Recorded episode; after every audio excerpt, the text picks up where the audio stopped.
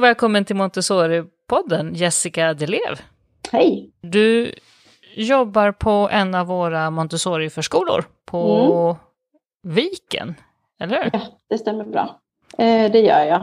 Eh, jag. Jag har jobbat där i tre år nu. Jag har jobbat på många andra platser tidigare. Eh, jag är utbildad Montessori-pedagog 0 till 6, förskollärare eh, och utbildad även i eh, Reggio Emilias filosofi eh, på plats mm. i Reggio Emilia. Aha. Så jag har lite med mig därifrån också som, som kan vara mm, rätt så mm, intressant. Mm, vad spännande. Mm. Och, och, vi ska prata lite grann om, om både Reggio Emilia och Montessori och hur man får ihop dem. Um, och lite grann digitalisering och lite annat. Men jag tänker, du kan ju få börja med att berätta lite grann uh, vad du jobbar med på, på förskolan, vad som är dina fokusområden. Uh, mina egna intresseområden, för man blir ju gärna att man kanske spetsar in sig på de områden där man känner sig mest hemma eller tycker det är mest intressant. Mm, eh, och det jag jobbar med mycket är att eh, eh, ljussättningar till exempel för att skapa särskilt intresse när vi jobbar med barnen. Eh, nu har jag sexåringar eller fem sexåringar. Men de lär sig också att på morgonen när de kommer så är det kanske ljussättning på vissa områden som ska vara särskilt intressanta för dagen. Ehm, ja, men det är jättemycket små lampor överallt som ljusar upp precis ett område som jag färdigställt till exempel. Hur, hur gör du då? Alltså då, sätter du, då, då har du lite små lampor och sen så bara varierar du vad du sätter dem för att spotta upp lite saker? Ja, det är egentligen spotlights som är gärna sådana som man kan böja och vända på lite grann. Eh, för barnen gör också det. De har också lärt sig att mm. använda de här ljussättningarna för att själva öka på ett intresse någonstans i, i det lärande rummet. Eh, och nu när de har vant sig vid att när de kommer upp eh, på sin avdelning så kan de se att idag är det ljussättning på ett speciellt projekt som vi kanske precis då arbetar med och som jag kanske vill att vi ska utveckla lite i eller skapa mer intresse och fokus för. Så det är ditt sätt att lite hinta vad du tänker hade varit lämpligt att jobba med? Liksom. Ja, eller i alla fall starta upp ett nytt intresse för jag kanske har skapat någonting någonstans, satt upp något eh, inför ett projekt. Vi kanske jobbar med rymden till exempel.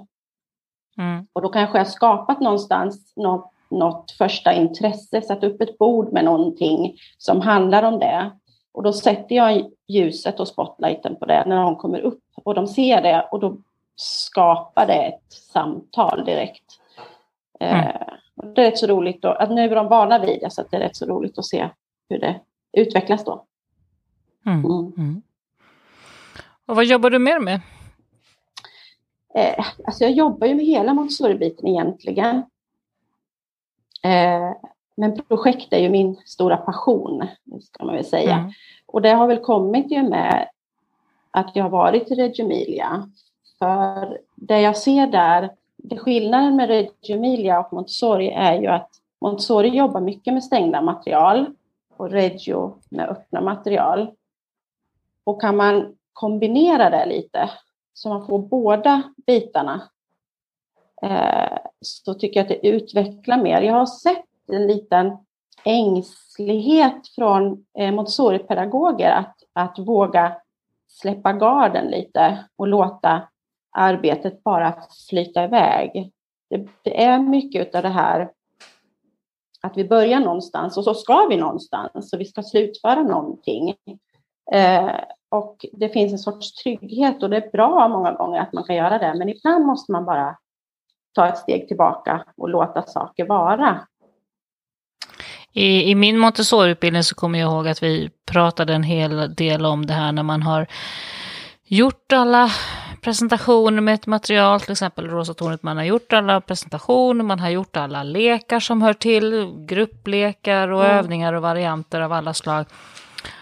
Och det som då ska hända sen, när man har gjort allt det här och verkligen gått igenom allt det här på ett bra sätt, då är ju tanken att den här som vi då kallar för take-off ska komma igång. Mm. Att barnen själva ska börja experimentera. Mm. Um, inom, ja, de ska ju fortfarande vara försiktiga med materialet och inte kasta kuber runt omkring sig, men, men men, men, men, men någonstans börja liksom se sammanhang och experimentera. Um, är, är, det lite åt det hållet du tänker att du vill liksom pusha fram saker Ja, och, och jag tänker att eh, när det kommer till de vanliga eh, materialen som är rena Montessori-material, de är ju tänkta att använda på ett speciellt sätt. Det, det finns en tanke med dem, eh, självrättande och, och så vidare. Men när det kommer till projekten, de som egentligen inte är förbestämda, om vi säger, om vi håller oss nu till kanske rymden och planeterna. Mm. Om vi jobbar med det så, så kan det vara, eller tidserorna för den delen, den är ju, det är ju jättespännande. Och jag som Montessori-pedagog, jag vill gå från, från azoikum och så hela vägen fram och komma till slutmålet någonstans. För det är liksom min väg och jag vill följa med dem dit. Men om man släpper garden så kanske man egentligen eh, jättelång tid på den svarta eran, för det är kanske där magneterna finns för barnen. Barnen kanske stannar där för de tycker att det är så fantastiskt spännande med vulkaner och det är eld och det är utbrott och de vill inte riktigt gå vidare. Men jag som montessori vill komma fram till sluts ände på något sätt, för jag vill att de ska ha med sig hela biten. Och där känner jag ibland att vi fastnar för mycket i att vi måste hela vägen fram. Att vi inte mm. låter barnen riktigt bli färdiga med var de är någonstans. Och där har vi lite, tror jag, att lära av Reggio. Att, att vi kan gräva lite djupare och forska lite mer och låta det ta lite tid. Men vi är så inspirerade och vill så himla mycket så vi vill liksom pusha dem lite grann vidare många gånger, att de ska komma vidare. Mm. Men men det är så spännande att låta dem stanna för det kan hända så mycket om man gör det. Absolut. Ett annat intresse som du berättade för mig att du hade också, det var det digitala och digitaliseringen i förskolan. Mm. Berätta, hur jobbar du med det? Eh, ja, eh, och det är också mycket i, i projekt eller när man vill skapa något nytt eh, intresseområde. Ehm, jag använder mycket eh, med projektorn och projicerar upp. Eh,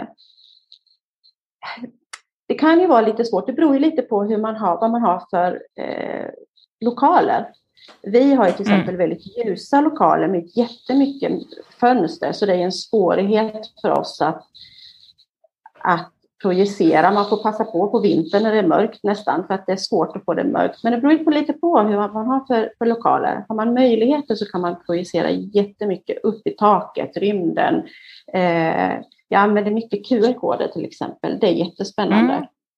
Hur, vad gör du med QR-koderna? Berätta, beskriv. Eh, till exempel nu så har vi gjort eh, fågelböcker. Barnen har själva fått göra fågelböcker. Så att då har vi tagit ut ett visst antal fåglar, vanliga svenska fåglar som är bra att kunna känna igen. Eh, så jag har gjort QR-koder på eh, hur de låter, vad det är för musik och deras namn och så vidare. Så att de har fått para, de har fått göra det själva, de har fått bilderna på fåglarna och de har fått QR-koderna. Och så har de fått para eh, fågelljudet och fåglarna och göra en egen bok av det. Så får de ta med sig det hem och så kan de göra det med sina föräldrar. Så, då, så då har de eh, då sitter, de har de en iPad eller någonting då för att läsa ja. av QR-koderna? Mm, precis, okay. precis. Och då kommer de till någonstans, har du YouTube eller vad har du lagt in de ljuden då? Eh, ja, de här ljuden har kommit från ett fågelljud, jag kommer inte ihåg vad den heter nu precis, men eh, det finns ju, man kan leta på fågelljud till exempel, så kommer det upp och så är det, så plockar man ut det och så gör man sina egna QR-koder. Okay. Eh, och det har ju de också vant sig vid. Jag har andra QR-koder som sitter lite grann överallt som de kan gå och hämta ibland om vi sätter sig och tittar på, på olika saker. Så det kan man göra med, med allt möjligt. Det är jättekul. Mm, mm. Så då som det, pa para ljud, para fåglar och ljud då genom ja. QR-koder. Mm. Och det, kan man ju ta med ut i skogen också. Eh, det gör vi också ganska mycket. När vi går ut i skogen så kan vi ha med de här så kan vi titta ta fram ett, en QR-kod och blippa den. Eh, och så kommer då en fågel säga att vi har en talgoxe som sjunger. Och då kommer det ju oftast andra talgoxar. Och då kan man titta mm. efter det när man är ute i skogen. Så man för med sig det man gör inne, de projekten man har inne, kan man också få med sig ut när man jobbar utomhus. Så man, har, man blandar lite, att man inte bara har inne verksamheten inne och uteverksamheten ute, utan att det kan faktiskt blandas. Man får med sig det ut. Det här är ju en sån sak som vi också egentligen behöver komma ihåg att vi ska göra även med det vanliga Montessori-materialet. Att när vi har jobbat med det botaniska kabinettet att be barnen gå ut och leta efter de här bladformerna mm. i naturen. att, absolut, att, att, att, koppla ihop det och att vi har jobbat med färglåda 3 med olika nyanser, att, att se om de kan, kan vi hitta alla de här gröna nyanserna som finns på den gröna stapeln till exempel och, mm, och sådana saker. Att det här är ju någonting som vi kanske ibland glömmer bort. Att just jobba mm. med våra material och våra saker ute också. Att, knä, ja, att knyta precis, ihop att det. Vi faktiskt har med, ja, knyter, knyter ihop säcken och, och får med det eh, utomhus också. Att vi verkligen eh, får inneverksamheten ute. Det är jätte... Det är också en, en igenkänning för barnen ju. Mm. Eh, och man märker att de blir mer hörsamma och de lyssnar mer och de, de eh, blir mer intresserade och lite glada när de känner igen någonting ute. Så, ja, det var ju den där fågeln som jag hörde där inne. Mm. Eh, och det skapar ny nyfikenhet. Och det är det jag jobbar, försöker jobba med jättemycket, att skapa den här nyfikenheten, att de vill veta mera. Mm. Vad gör du mer med QR-koder till exempel, mer än fågelljud? Eh, alltså det är egentligen allting som, som vi har som projekt. Man kan, man kan göra det. Det är också, eh, man hittar bra, jättebra grejer på Youtube till exempel. Eh, jag har en som de brukar titta på mycket och det är faktiskt eh, tidsresan från jordens början till nu. Och det älskar de mm. att sitta och titta på. Man kan ta fram jättemycket sådana här olika grejer som så du, kan ha, du använder QR-koder lite grann som länksamlingar så att säga till barnen? Att här, på den här, här finns den länken till det här som du vill titta på? Liksom. Ja, och, och så kan man skriva. Vissa barn har kommit lite längre att skriva och läsa och vissa har inte. Och där kan de också hjälpas åt. Så jag brukar ha en QR-kod och så skriver jag på den vad det är. Mm. Vissa kan inte kanske läsa det, men de ser ju när de öppnar den. Och vissa tycker att det är roligt att läsa så de vet i förväg vad det är de ska öppna för någonting. Eh, så det gör jag. Jag får, såna tankar, eh, jag får såna tankar att man eh, genast massa inspiration här. Eh, flaggor och eh, QR-koder på nationalsånger. Absolut. Jättekul. Man kan göra hur mycket som helst. Man kan göra ja. hur mycket som helst. Eh, men vi jobbar också ganska mycket med förstoringspuckar.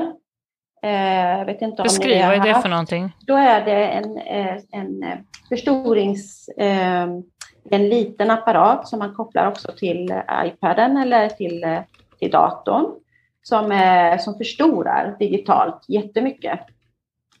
Mm. håller man då kanske på med nu som nu växtsäsongen börjar med eh, vi odlar lite kanske och sådär, och blommor och man kan forska om de har tagit med sig saker in utifrån eller döda kryp eller vad det nu må vara. Eh, så kan man använda den och forska. Hur ser saker ut när det är uppförstorat 300 gånger eller ännu mm. mera? Eh, och de kan fota och de kan filma med den. Eh, och det skapar också jättemycket diskussioner om när saker verkligen inte ser ut som de trodde att det gjorde från början. Vilka förstoringspuckar har ni använt? Ja, den heter, ja vi kallar den förstoringspuck. Och mm. Isoscope finns det också en, men den har inte vi just nu. Men... Kan man ta med sig dem ut också då? Och om man har, kopplar dem till iPaden och tar med sig dem ut, eller behöver det vara inne? Den finns i både att man kan ha den bara genom Bluetooth eller att man kopplar den direkt. Mm. Eh, eller är det via wifi man kopplar? Det minns jag inte riktigt nu faktiskt. Mm. Men, ja, eh, så jag kan inte svara på det. Ja, mm. precis. Jag kan inte svara på det riktigt. Mm, mm. Har du använt QR-koden någon gång, tänker jag, för olika material, alltså att sätta en QR-kod vid något material som till exempel går på en, till en film där något barn jobbar med det här materialet? Nej, det har jag inte. Det var en jättebra idé. Ja, det skulle man ju göra. Det var ju en Kop jättebra idé. Det är klart man ska göra. Gärna något barn i något uh, annat land. Ja. Annan tid. Precis. som, som gör, uh, bygger Rosa tornet till exempel. Det finns ju faktiskt sådana små, i alla fall, jag vet inte om det finns filmer från Maria Montessoris tid, men det finns i alla fall bilder. Bilder finns ja, precis. Rörliga alfabetet och mm. lite annat när de sitter och jobbar. Bilder finns som sagt. Ja, mm. Absolut. Ja, men det var en bra ja. idé. Ja. Um, men om vi, om vi går vidare lite grann till det här med, med Reggio då som du också har utbildning i. Uh, vad tänker du är de största beröringspunkterna mellan Montessori och uh, pedagogiken från Reggio Emilia? Uh, det, det största tror jag är sättet hur man är med barnen, att man, att man ser barnens individuella vad de är, vad de är nyfikna på. Det, det tror jag är den största likheten som jag ser det. Att man just barnen, är, barnen är huvudpersoner? Absolut, absolut är de huvudpersoner och eh, är kompetenta framför allt, eh, det kompetenta mm. barnet. Där, där är det väldigt eh, lika på det viset.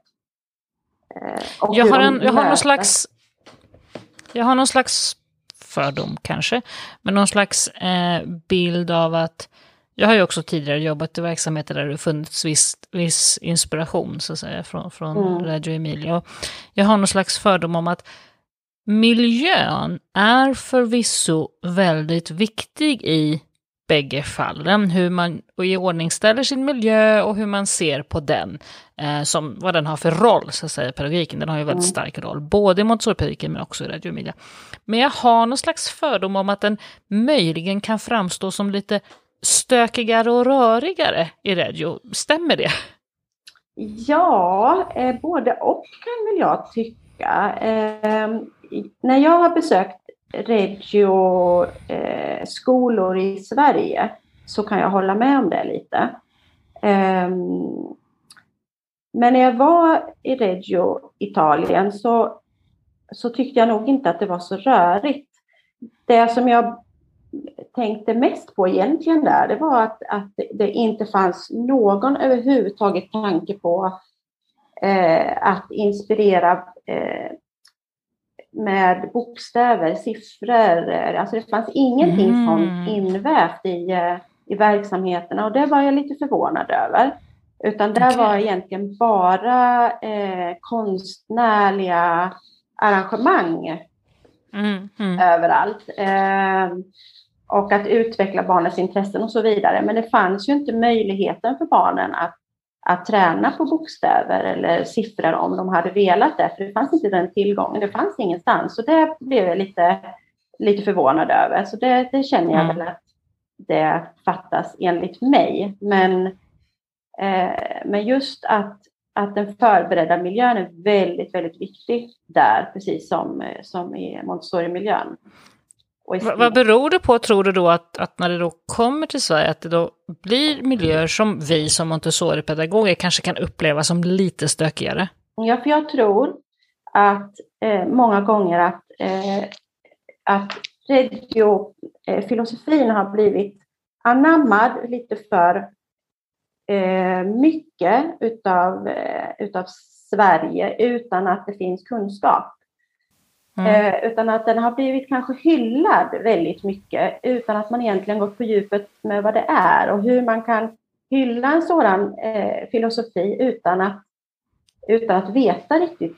Utan man bara går in i den och, och, och hoppas att man vet vad man gör. Så känner jag lite i den mm, Det blir nästan kommun, kommunfilosofi på vissa håll. Ja, eh, det, absolut. Det är det att det här, nu, har, nu bestämmer vi att vi ska ha Reggio Emilia och det är jättebra, men ett väldigt fåtal vet egentligen vad det handlar om. Mm. Eh, med, med, de är ju väldigt projektstyrda eh, i, i Reggio och då är det det som det hamnar på. Men när jag var i Reggio så var det ju väldigt styrt. Eh, alltså barnen fick ju inte springa där överallt och, och, och göra vad som helst. Som det är många som tror att, att det handlar om, att det bara ska finnas en massa blommor och, och lera och grejer för dem att göra. Det är ju inte alls så det var där, utan det var ju ganska styrt, precis som vi. Vi ger ju barnen frihet under ansvar inom Montessori, men det är ändå lite styrt. Vi styr det är ändå, ändå ramar. Ja, ja, men absolut. Vi låter ju inte det... treåringarna gå och, och liksom hänga tusenkedjan runt halsen. Nej, det... absolut nej. inte. Och det kände jag att så var det likadant när vi var i Italien, att där var det också ganska styrt. Eh, eller väldigt styrt faktiskt. Eh, så att jag tror att det kan vara missuppfattningar hur man... Jag menar, det är många som ser på Montessori med missuppfattningar också, för att man sätter oh, ja. fel saker. Så är det ju. Mm. Det får man ju höra mm. ganska Absolut. ofta. Ja. Så det är väl... Så, så, är det ju. Jag tror att det finns många likheter, men ändå eh, mycket olikheter också såklart. Mm. Och det är väl kanske lite grann samma sak som det här du beskrev då, att problemet som Reggio har råkat ut för i Sverige, att, att man har börjat använda sig av de tankarna utan att kanske riktigt ha koll. Mm. Um, och då missar man en del saker som, som gör att det kanske blir lite stökigt. Och att i många fall har ju vi i Montessori-pedagogiken lite grann också haft samma problem, att folk har kanske tänkt, jobbat inspirerat på ett sätt som gör att man missar en del viktiga poänger. Mm. Man kanske till exempel, som mitt exempel där med rosa tornet, visar en sorts presentation på rosa tornet och tror att man har jobbat med det materialet. Mm. Mm. Men jag har ju 20 sidor till i min manual. Ja. Alltså, ja, och jag tror framför allt många gånger det som blir fel är ju att, att många tror att det, är, att det är så fritt, alltså att det är fritt på mm. fel sätt. Mm. Eh, fast det inte är det, utan det är ju fritt på, vad ska vi säga, rätt sätt. Alltså när man visar att man kan hantera någonting så får man ju mera frihet eh, att fortsätta och att vi följer upp var intresset finns och så vidare. Men det är ju inte att barnen som du sa springer omkring med tusenkedjan runt halsen. Det fungerar ju inte. Det hade blivit kaos.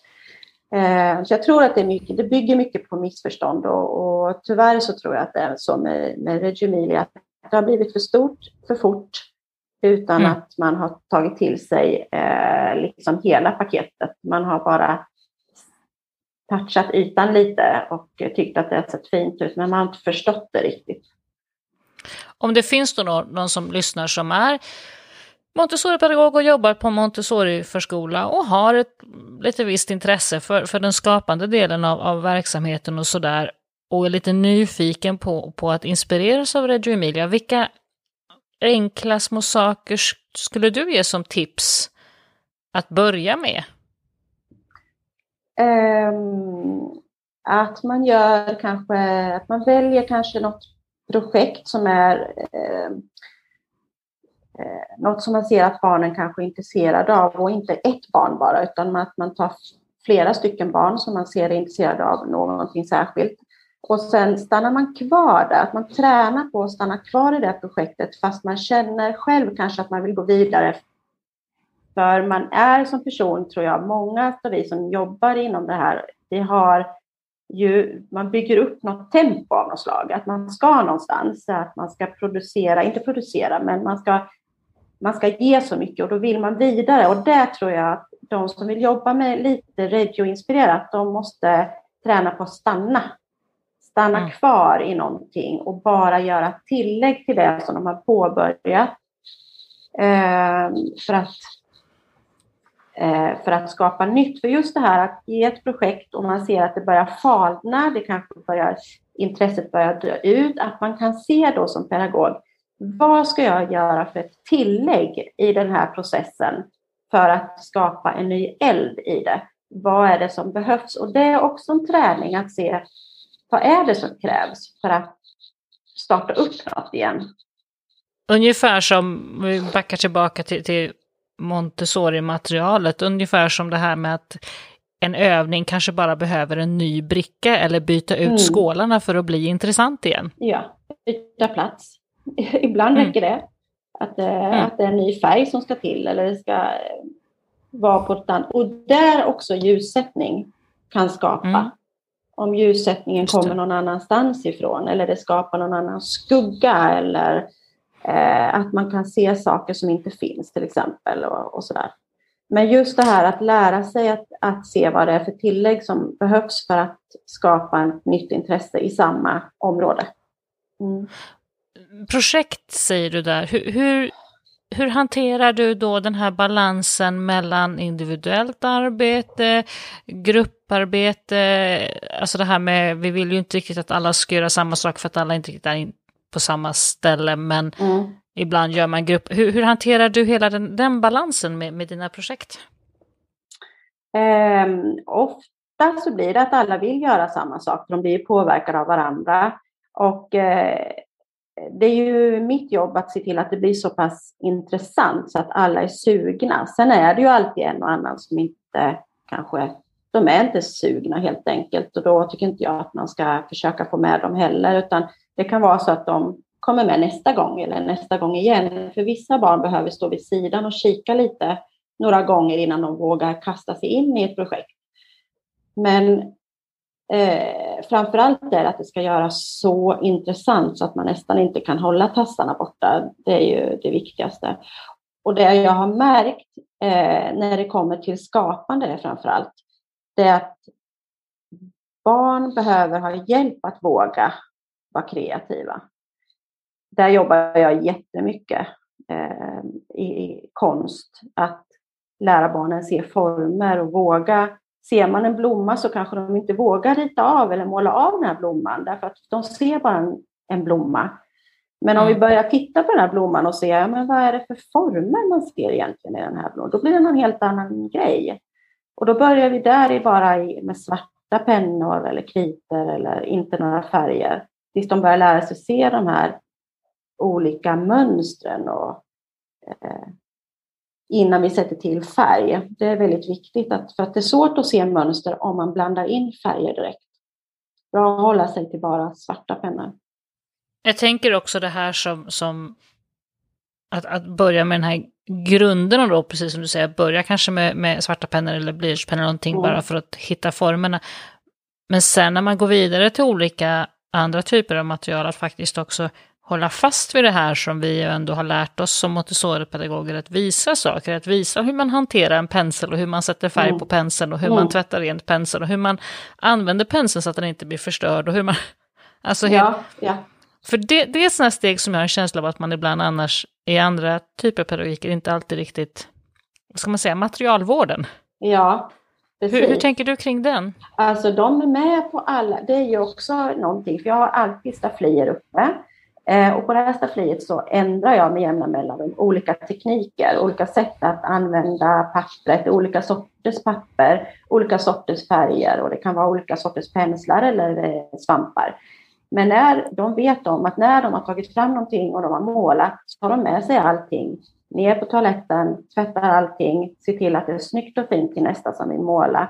Det sitter redan och det har vi ju redan jobbat sedan de var på den mindre avdelningen. Så det är ju redan lite klart när de kommer upp där de är nu, där jag är på största avdelningen. Eh, där är de redan vana hur man gör. Så att, eh, det är inte ens någonting som jag Många saker tänker man nog inte på att man gör. Mm. För att det sker redan hela tiden. Ordningställandet av miljön, att de är med där hela tiden. Delaktiga. Och att det liksom faktiskt ingår i aktiviteten. Ja, att förbereda och att ställa ja. undan och, och så vidare. Och se till att det är fint till nästa som kommer. För att det ska vara inspirerande. Det är inte inspirerande att komma och måla där det redan är en massa färg och det är skvätt och det hänger någon gammal trasig grej eller det är inte så kul och det blir inte så inspirerande. Så det är de jätteduktiga på verkligen, men det, är nog, det tänker jag nog inte ens på för att det är så invant eh, hela, hela den proceduren redan. Mm. Sen ytterligare ett område som jag vet att du är engagerad i, det är återbruk. Ja. Hur ju, jobbar du med det? Alltså jag Berätta. älskar ju det. Och det har jag ju eh, dels för att jag brinner för att hålla rent och snyggt. Och det är ju också Montessori, det kan man ju säga, att hålla efter vår värld och att alla ska må bra och hela den här biten.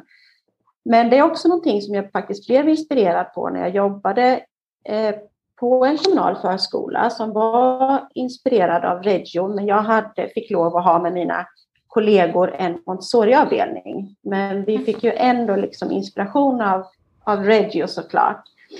Eh, och det var så inspirerande för vi gick och, och hämtade, vi smög in i sophusen och hämtade fina tavelramar och barnen var med på de här grejerna.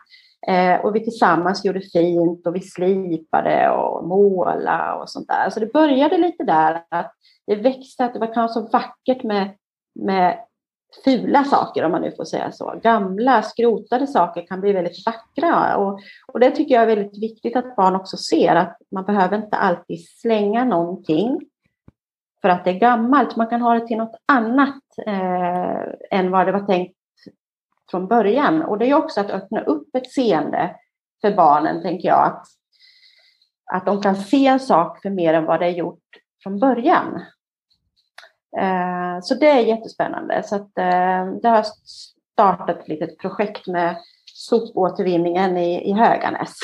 Vi får se mm. vad det leder till så småningom. Men det, det ska bli väldigt spännande. Jag, jag gillar det. Det tycker jag är jätteroligt. Och, eh, just det här att eh, kunna bygga med saker som inte är någonting. Det har ingen förutbestämd ordning vad det ska bli för någonting.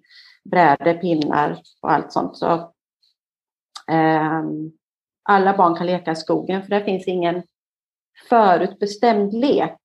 Det finns ingen som säger att du ska göra just så här nu för att det är något färdigt. Det, är, det är spännande att se hur, hur, eh, hur det ändrar lekens gång framför allt. Mm, mm, mm. Det här med det digitala lärandet, det är så himla mycket så det är så svårt att men det kan vi gärna utveckla lite. Ja, um, för att det, kan man, det digitala kan man egentligen, och projicering framför allt, kan man använda i ja. så många olika miljöer och användningsområden. Vi har ju till exempel på vintern och när det är lite sådär eh, kallt och, och tjurigt ute så har jag satt upp i hallen när föräldrarna kommer in till exempel eh, så att det ser ut som det snöar inne.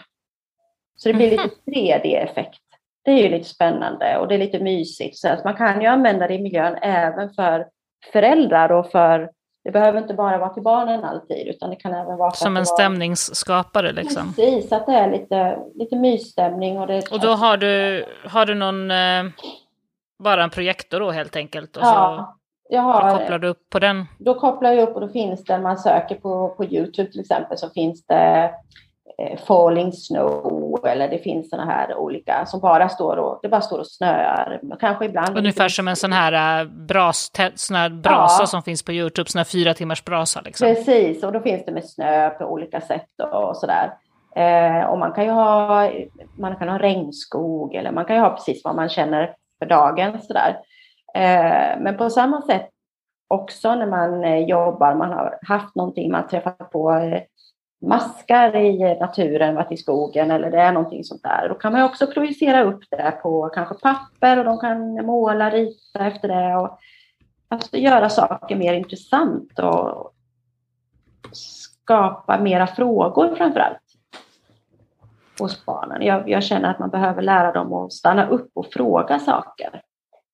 Använder ni de här 3D-projiceringarna då? Någonting? Nej, alltså det är vanlig projicering, men man kan ju få det till 3D om man... Mm. Ja, du menar de här man kan sätta ett lejon i ett rum och sådana här saker? Precis, ja, precis. Eh, ja, det har vi gjort lite grann eh, någon gång. Det är rätt så roligt. Men även eh, den här snön kan ju kännas som 3D om man hänger lite saker mm. i taket och sådär. Eh, då blir det rätt så eh, effektfullt faktiskt. Vad tänker du är de liksom vanligaste vad ska man säga, fällorna eller misstagen man kan göra när man tänker på digitalisering och förskola?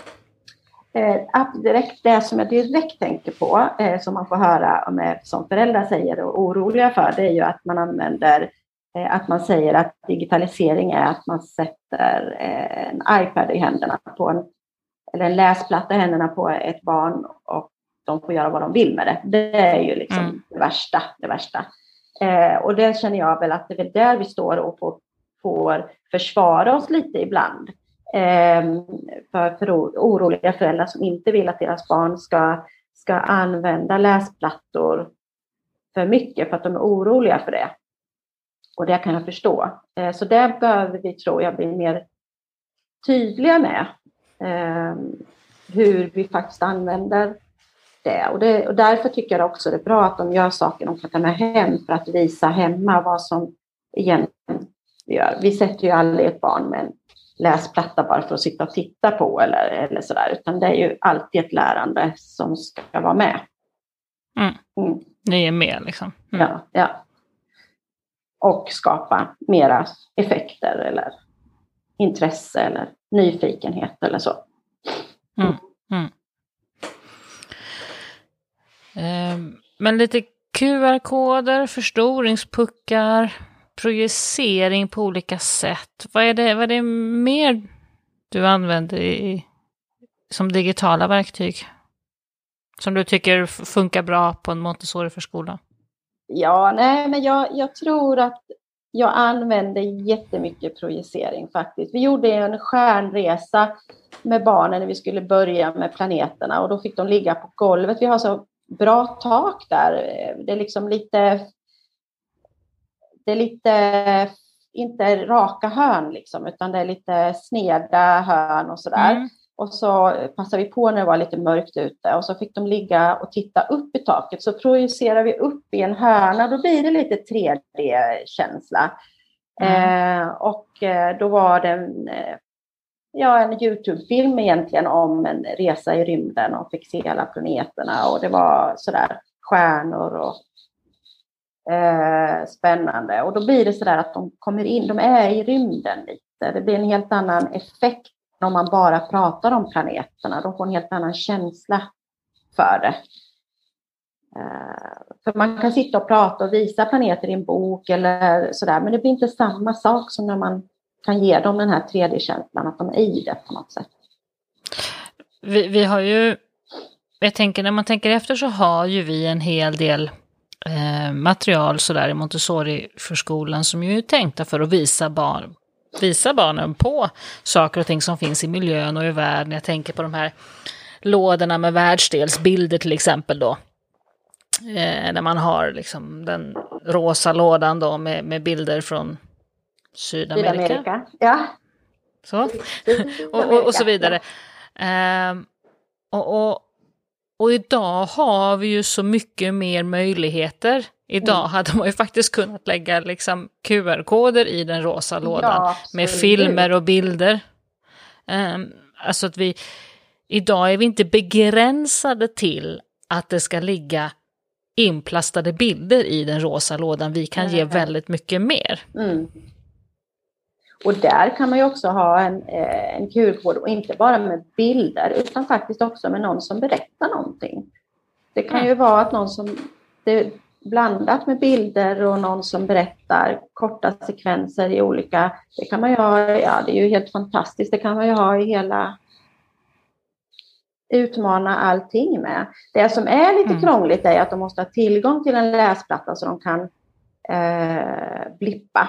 Men ja det är ju också någonting som kommer mer i framtiden. Den kanske kommer i mindre exemplar eller det kanske är, man kanske kan ha de här, det finns väl redan lite så mindre storlekar.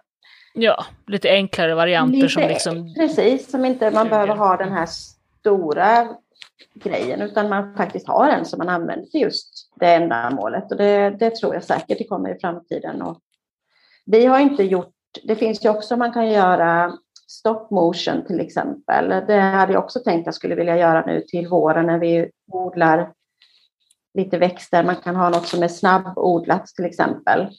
Att man sätter och, så att det blir som en liten film hur någon Ja, just det, det här när man ser hur, hur, en, hur en blomma växer upp liksom och man ja. speedar upp den. Mm. Ja, det är också något man skulle göra. Och eh, green screen och de göra sina egna filmer och sånt. Men det är ju sånt som tar lite tid och man har lite begränsat med tid och det kommer ändå lite sen senare när de kommer upp i skolan ändå. Det är ju inte bara vi som måste göra det här utan det finns ju Nej. en räckvidd senare också. Men eh, det är viktigt att de vet att det går att eh, utmana sig med det. Hur löser du det rent praktiskt då med, med, med plattorna då i verksamheten? Hur många plattor har du ungefär i en grupp? Vi, har, vi är tolv barn och vi har två plattor. Mm. Um, men det är ju också som vi använder och jag vet inte hur det kommer se ut för vi kommer få in flera i, framåt nu. Allting är ju sådär det, det känns som att vi är mitt i en sån här period där det precis håller på att explodera med mm. ett nytt lärande sätt, tror jag. Um, så att det, jag tror att det, det, här är någonting som kommer utvecklas med tiden, tror jag. För att vi har mycket att lära. Jag har jättemycket att lära, jag med. Att... Hur har, du, har ni löst då det här turtagandet och, och, och, och att få komma åt de här plattorna då?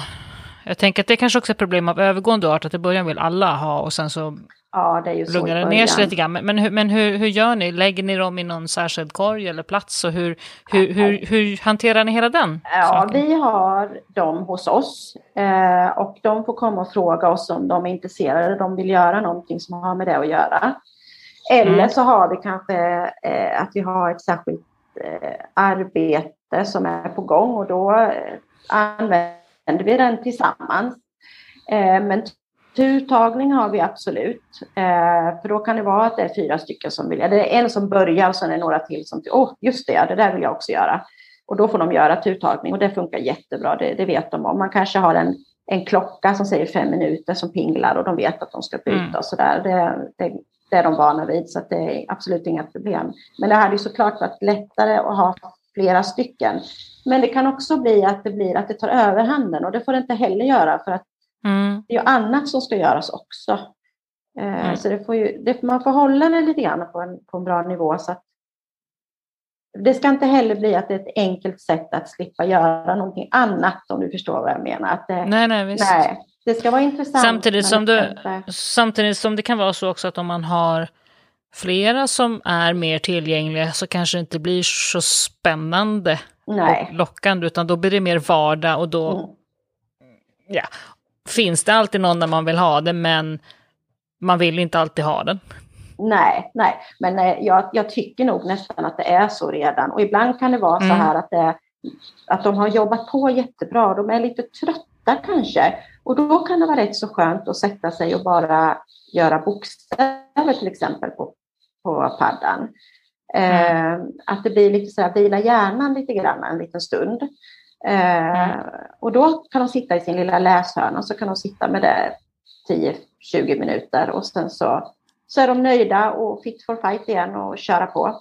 Med något annat Vad kör du för arbete. program då med bokstäver? Det finns Montessori-program faktiskt. Ja, just det, de här rosa och blåa. Och ja, precis. Och det är jättebra att spåra och så. Vi har några som är har lite svårt eh, med eh, att förstå det när man visar. Men när man har det digitalt så har de mycket lättare att få, få hem det.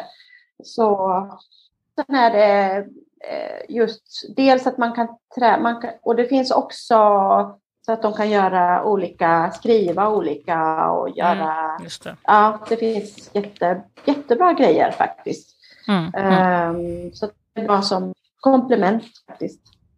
Mm. Mm. Ja. ja, som du säger, som, som, lite avkoppling, det gör ju vi med. Ja. Sitter och slöskrollar lite grann när vi behöver en paus. Liksom. Mm, mm.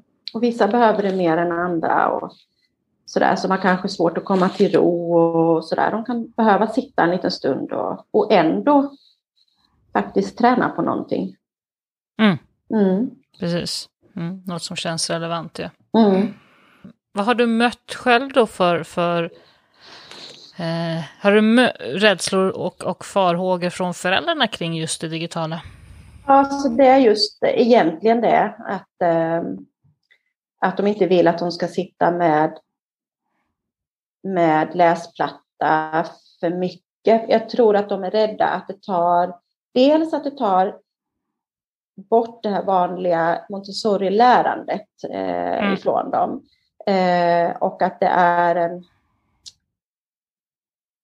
Jag ska inte säga att de är rädda att vi inte gör vårt jobb, för det är nog inte det egentligen. Eller att de är rädda att deras barn inte blir riktigt sedda kanske. Om, mm. Så att inte, jag vet inte, för de ser ju inte in i verksamheten som, som vi gör. Så de är, jag tror att de kanske blir lite ängsliga för att att om det blir lite rörigt... Att, att, vi ska använda det på samma sätt som de gör? ja, lite så. Jag, jag sa inte det. jag sa inte det, Nej. men jag håller med. Lite så. Jag försökte vara lite finkänslig där, men, eh, men lite så. Att eh, den tiden ska vara kvar till dem kanske, när de kommer hem. Mm. Att de ska inte ha använt den på skolan, så att säga. Eh, för de ska ha ett riktigt lärande inom mm. situationstecken. Mm. Och eh, jag tror att det är det som är deras farhågor. De vill ha det där riktiga lärandet. Eh, att inte de bara ska sitta och titta på en läsplatta. Nej, och, och mm. där kommer ju, som du säger, vår professionalitet in att kunna förklara att men vi hanterar inte det här på något annat sätt än vi hanterar något annat material. Mm. Och då är det ju viktigt att vi också med eh, digitalisering får ut det till föräldrarna mm. med eh, bilder och förklaringar och det, det försöker jag göra jättemycket. Och då som till exempel den här fågelboken, där ser de ju verkligen att det här handlar ju inte om att sitta och utan det här är ju rent lärande, att kunna koppla ihop mm. vilken fågel som låter hur och vad den fågeln mm. heter och, och så vidare. Eh, så att det tror jag nog att de, de förstår. Men ibland får man höra, men det är nog lite mera från de yngre barnen tror jag, för då har de inte mm. riktigt hunnit fått förstå det, hur, hur vi jobbar med, med det ännu. Mm. Jag tror att, jag tror att de, de ser på det lite utifrån sig själva, så är det ju ofta att man, mm. att man ja, och det kan ju på ett sätt också, kanske när de ser vad, vad vi gör med det i verksamheten, så kan det också kanske inspirera dem till, till ett, ett annat, en annan typ av användande och öppna mm. nya ögon. När barnen får med sig QR-koderna hem så blir de kanske också, får de kanske idéer om roliga saker som de kan göra hemma ja, på ett annat sätt. Absolut, och man får ju faktiskt en helt annan typ av frågor från föräldrarna nu för tiden än vad man fick innan. Det kommer mm. ju lite frågor om det. Om det, men det fungerade inte med den här QR-läsaren som jag hade på min telefon. Och hur, alltså det blir en, en, en bra kommunikation kan jag tycka. Mm. Mm. Man pratar och det handlar ju alltid om att, vad de ska göra för barnen när de kommer hem och det tycker jag är jättefint. Mm. Det blir en mycket bättre kommunikation mellan hem och skola på det ja, sättet. Ja, och det är ju en Enklare. del av vårt uppdrag, det är ju att ha ett samarbete mellan förskola och mm. hemmet. Så det är ju en bra grej. Mm. Ja, och digitaliseringen ingår ju också. Eh, det står ja. ju ganska mycket i läroplanen nu för tiden om det. Ja, absolut. Det måste Mer än många till. tror. Mm. Mm. mm. Ja. Men då har vi pratat om Montessori i relation till både Reggio Emilia och digitalisering idag. Ja två spännande ämnen som faktiskt hänger ihop. Ja, det gör det. Mm. Jättespännande. Mm. Tack så jättemycket för ett intressant samtal, Jessica. Tack så mycket själv. Jätteroligt att jag fick vara med.